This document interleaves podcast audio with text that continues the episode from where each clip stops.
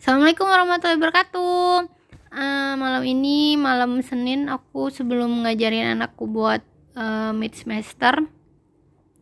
Anakku masih SD guys. uh, aku mau nerusin part ketiga dari rumah ketujuh. Jadi udah lama banget ya. Aku nggak ini nggak update nya. Malam ini rencananya mau update. Oke kita mulai dengan apa ya? Cerita setelah kejadian uh, yang adikku lihat seseorang gitu kan ya nenek-nenek gitu ya. Hmm.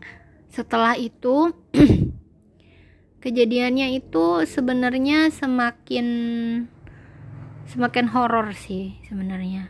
Khususnya buat aku pribadi.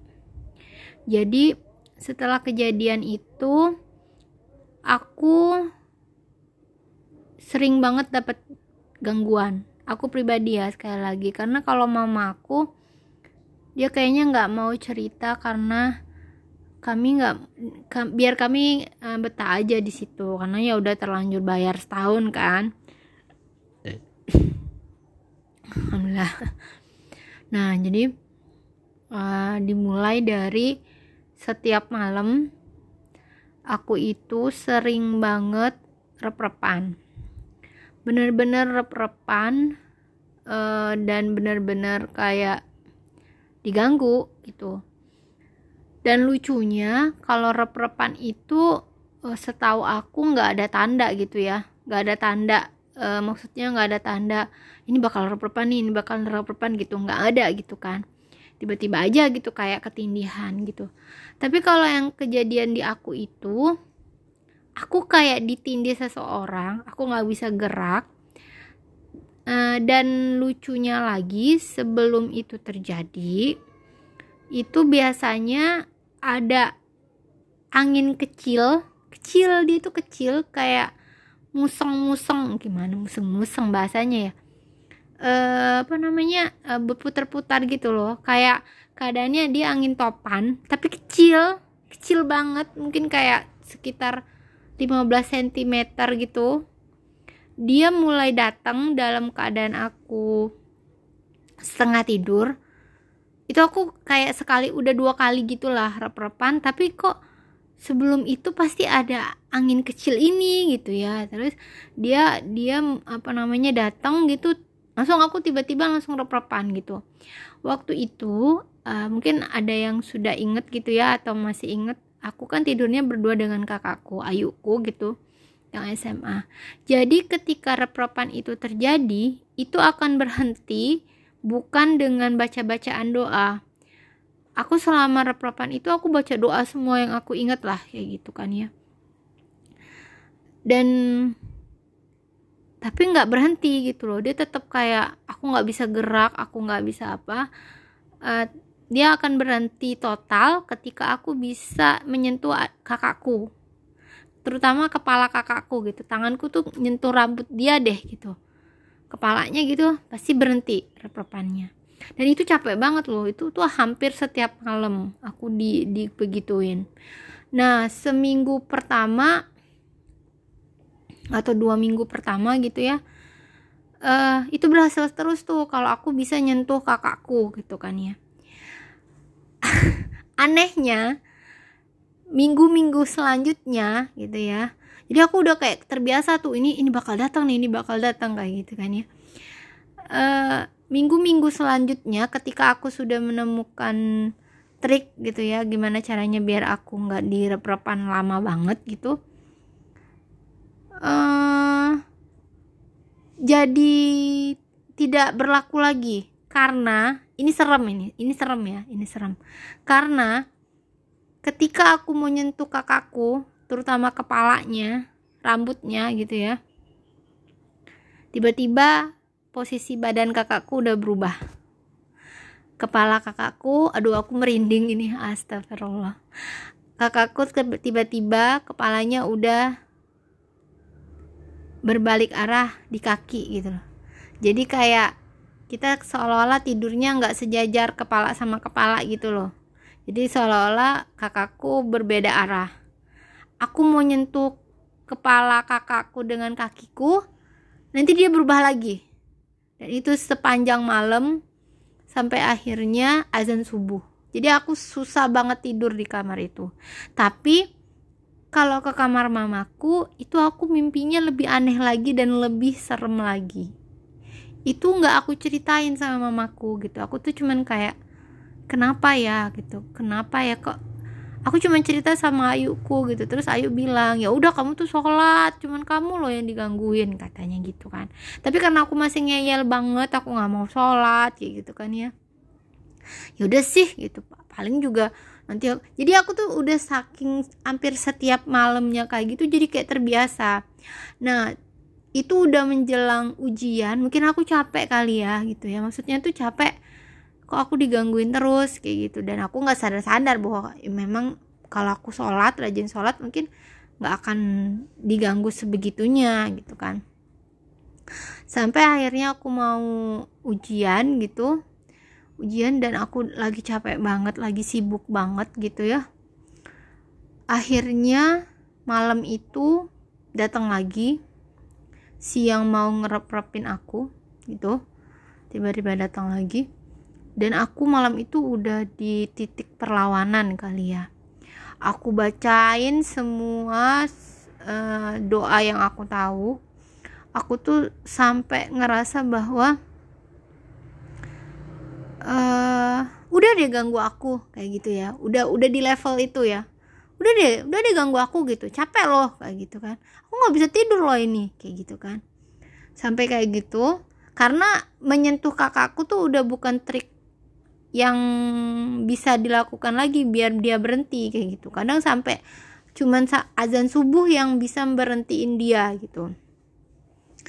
Akhirnya malam itu aku udah capek banget gitu. Udah capek banget ini akhirnya aku dalam keadaan setengah tidur itu aku ngerasa bahwa aku melawan. Aku nggak tahu sosok apa itu. Aku nggak pernah bisa lihat sosoknya gimana gitu ya yang menggangguku itu. Tapi yang aku ingat malam itu adalah aku teriak. Aku baca doa itu sambil teriak. Dan akhirnya aku dengan mungkin hati aku tuh udah udah apa ya udah udah kuat banget lah untuk ngelawan ini makhluk gitu ya. Aku teriak sambil baca ayat kursi dan anas kalau nggak salah itu denger. Uh, dan kalian tahu apa yang terjadi? Dia gigit tanganku. Itu terasa sampai pagi. Dia gigit tanganku aku berontak aku kayak uh, lepasin kayak gitu kan. Udah itu berhenti pagi-paginya aku dibangunin mamaku gitu ya. Bangunin mamaku. Terus mamaku tuh kayak kenapa sih kok kayak setiap pagi tuh aku tuh kayak kenapa sih aku tuh kayak kayak nggak puas tidur? Gitu loh mama tuh. Selalu heran. Pagi itu tuh libur hari libur aku bangun jam 6 atau setengah 7 gitu aku bangun. Aku duduk di ruang tamu karena kamar aku itu pas di ruang tamu kan depan ruang tamu duduk aku di situ ada papaku ada ayuku ada adik-adik gitu ada mamaku. Terus mamaku nanya akhirnya kenapa wi? gitu. Kalau bahasa jambinya tuh ngapa wi? gitu. Kok kayaknya kurang tidur? Kayak gitu kan. Terus aku bilang dan aku ceritain berapa bulan ini tuh aku tuh dapat gangguan ini loh. Kayak gitu kan. Dan itu bikin ayuku yang udah tahu dulu tuh yang terus gimana? Katanya gitu kan. Terus tapi malam ini aku lawan aku bilang gitu. Ini dia gigitnya di sini. Dia dia persis di bawah jempol ini loh guys. Ada kan uh, kayak ya pokoknya di bawah jempol gini ada ini ada di di tanganku gitu gigitnya di situ. Tapi nggak ada bekas tapi aku kerasa sampai pagi. Nah alhamdulillah setelah itu aku nggak pernah lagi rep-repan. Bener-bener nggak pernah lagi di rumah itu gitu setelah aku melawan. Nah aduh aku nyeritainnya masih merinding. Uh, tapi uh, setelah itu semua aku ceritain mamaku mengevaluasi gitu. Uh, kayaknya itu berasal dari jin-jin yang ada di poster-poster yang banyak di kamarku. Sebenarnya nggak banyak sih poster di kamarku itu. Aku waktu itu kan waktu zaman SMP itu aku lagi suka banget Westlife. Terutama si Kian Egan.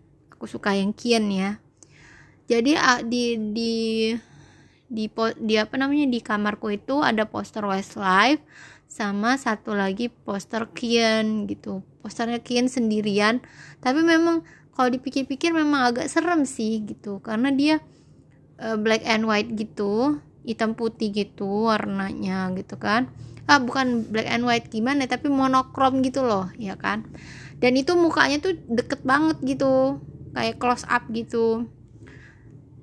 Uh, dan setelah mamaku tahu ceritanya dilepas aja deh posternya kata mamaku gitu. Kayaknya dia bersarangnya di situ kata mama gitu kan ya udah karena aku apa aku merasa bahwa kayaknya mungkin iya deh. Gitu. akhirnya aku lepas deh semua poster-poster itu dan jadi polos. Dan setelah itu memang alhamdulillah nggak pernah lagi ada gangguan. Masalah rep-repan ini. Tapi guys ini belum selesai ya. Tapi setelah itu aku jadi sensitif banget aku tuh sensitifnya bukan masalah aku tiba-tiba selalu bisa lihat makhluk-makhluk seperti itu ya. Tapi aku selalu diganggunya ketika aku tidur. Jadi setelah aku melakukan perlawanan itu aku sering banget malah di mimpiin seorang perempuan.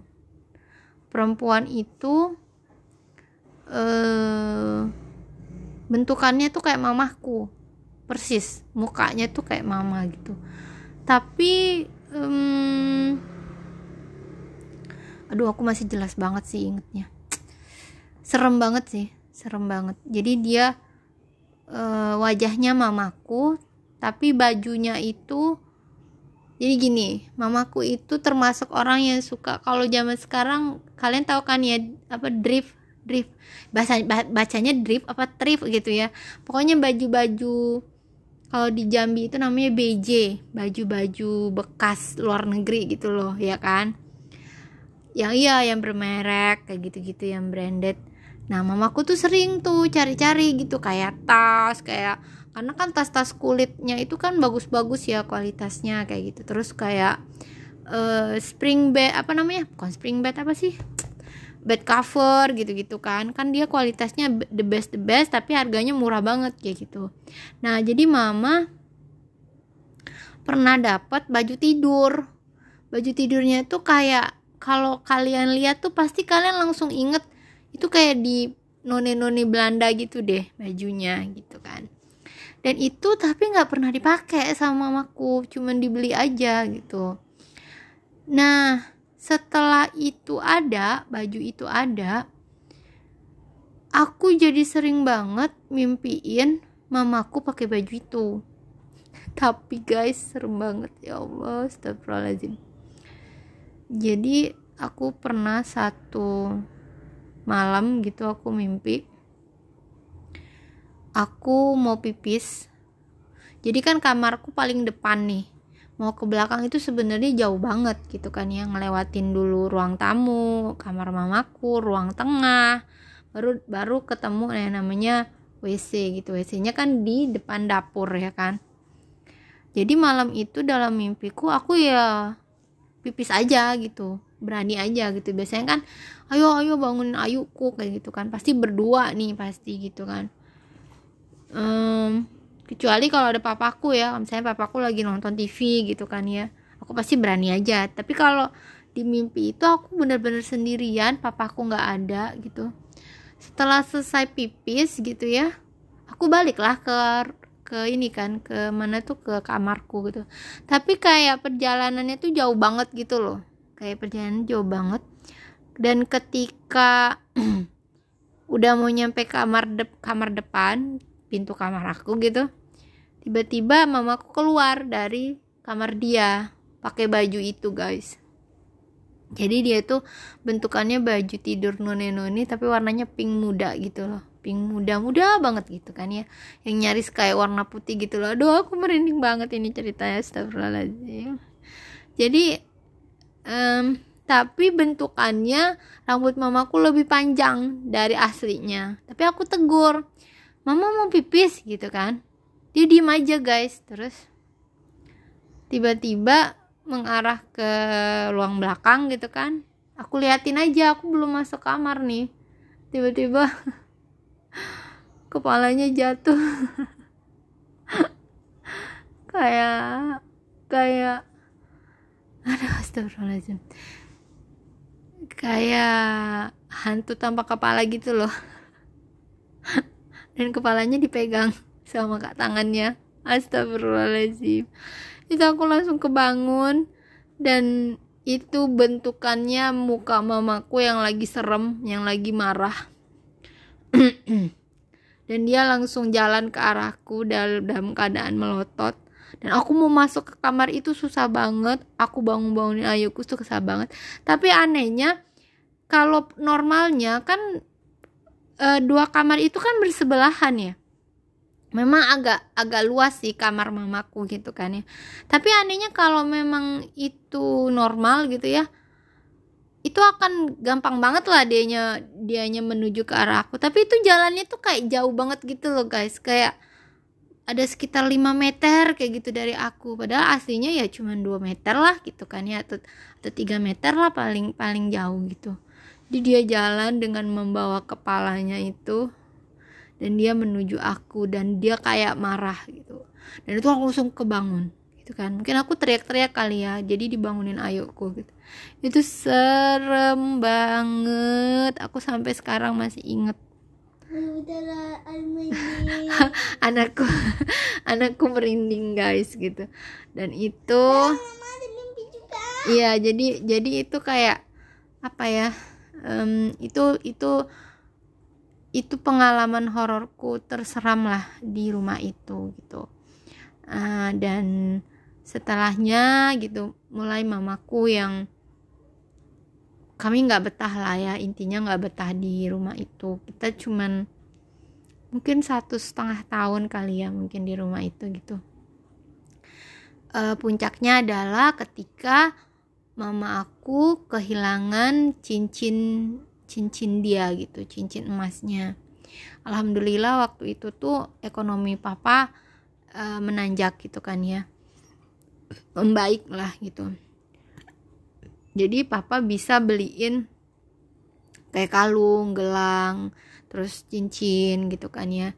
Dan dan um, cincin itu yang selalu dipakai mama gitu. Karena kalau kalung sama gelang itu jarang dia pakai gitu kan ya. Karena waktu itu mamaku belum pakai hijab belum pakai jilbab gitu. Ya, jadi dia selalu pakai itu kalau mau kondangan aja gitu kan ya. Nah jadi yang selalu dipakainya adalah cincinnya gitu. Ya udah cincinnya. Cincinnya lumayan gede lah kayak dua dua dua apa ya? Dua apa? Dua suku ya? Ngerti kan dua suku ya? Ya dua suku emas kayak gitu kan lumayan ya gitu kan.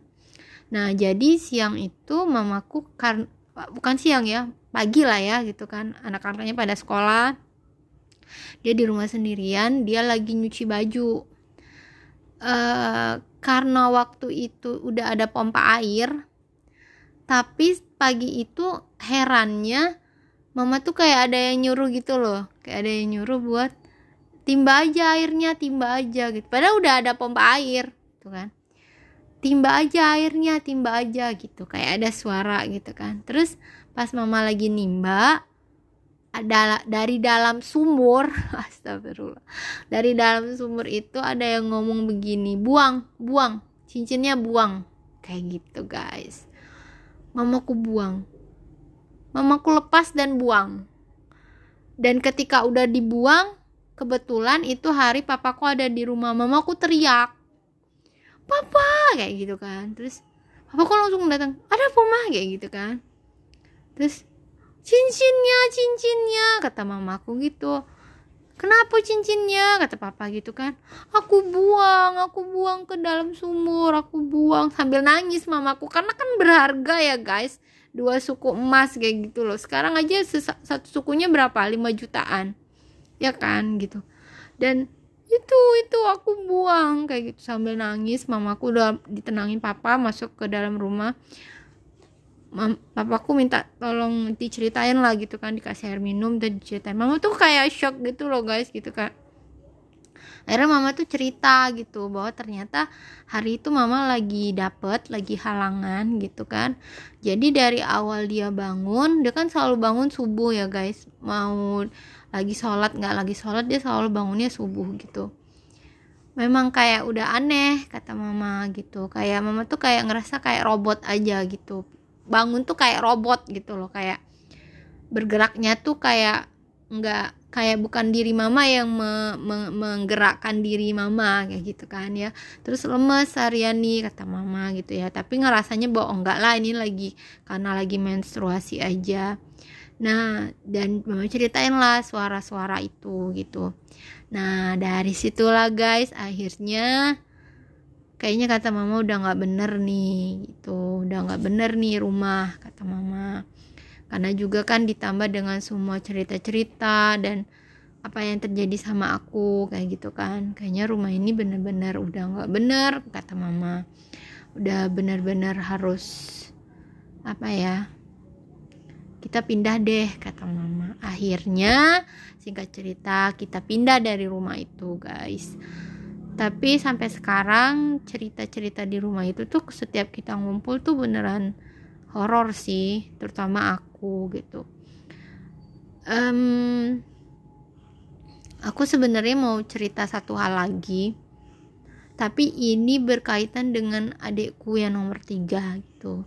Tapi mungkin akan aku ceritain nanti di next episode.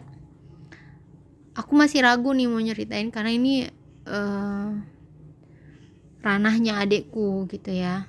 Dan itu ternyata banyak banget yang terjadi sama adikku yang nomor tiga. Tapi karena dia orangnya pendiam gitu ya. Jadi dia baru ceritanya ya ketika udah kita udah sama-sama tua kayak gini lah ya kita udah nikah semua kita udah punya anak semua gitu. Baru dia ceritain bahwa sebenarnya begini loh yuk begini begini loh ma gitu. Mungkin next episode akan aku ceritain tapi aku minta izin dulu nih sama adekku boleh nggak nih nyeritainnya ya? Karena ini berhubungan dengan dirinya pribadinya gitu kan ya. Jadi aku mau izin dulu sama dia. Oke okay, guys kayaknya sekian dulu episode ini. Uh, akan aku sambung lagi ketika emang udah dapat izin dari adekku uh, dan mungkin akan aku teruskan lagi ke pengalaman di rumah lain. Karena kita memang nomaden banget. Uh, akan aku ceritain per rumah itu apa aja sih yang kita temui. Oke? okay? Khususnya khususnya yang aku rasain sendiri ya guys gitu kan. Karena kalau yang aku rasain sendiri kan aku bisa dengan sangat lancar menceritakannya karena itu memang pengalaman pribadi gitu. Tapi kalau kayak pengalaman mamaku adik-adikku atau ayuku tuh kan kayak uh, mungkin aku ada yang terlupa atau ada yang malah aku lebih-lebihkan gitu. Makanya aku khususnya memang pengalaman pribadi aku dan kebetulan banyak banget oke? okay? Kalian saksiin terus podcast aku dengerin karena ini gratis. Uh, terima kasih udah mau dengerin ocehan-ocehanku dan pengalaman-pengalaman mistisku. Kita ketemu lagi di next episode. Uh, see you bye bye assalamualaikum. Panda di gemetar.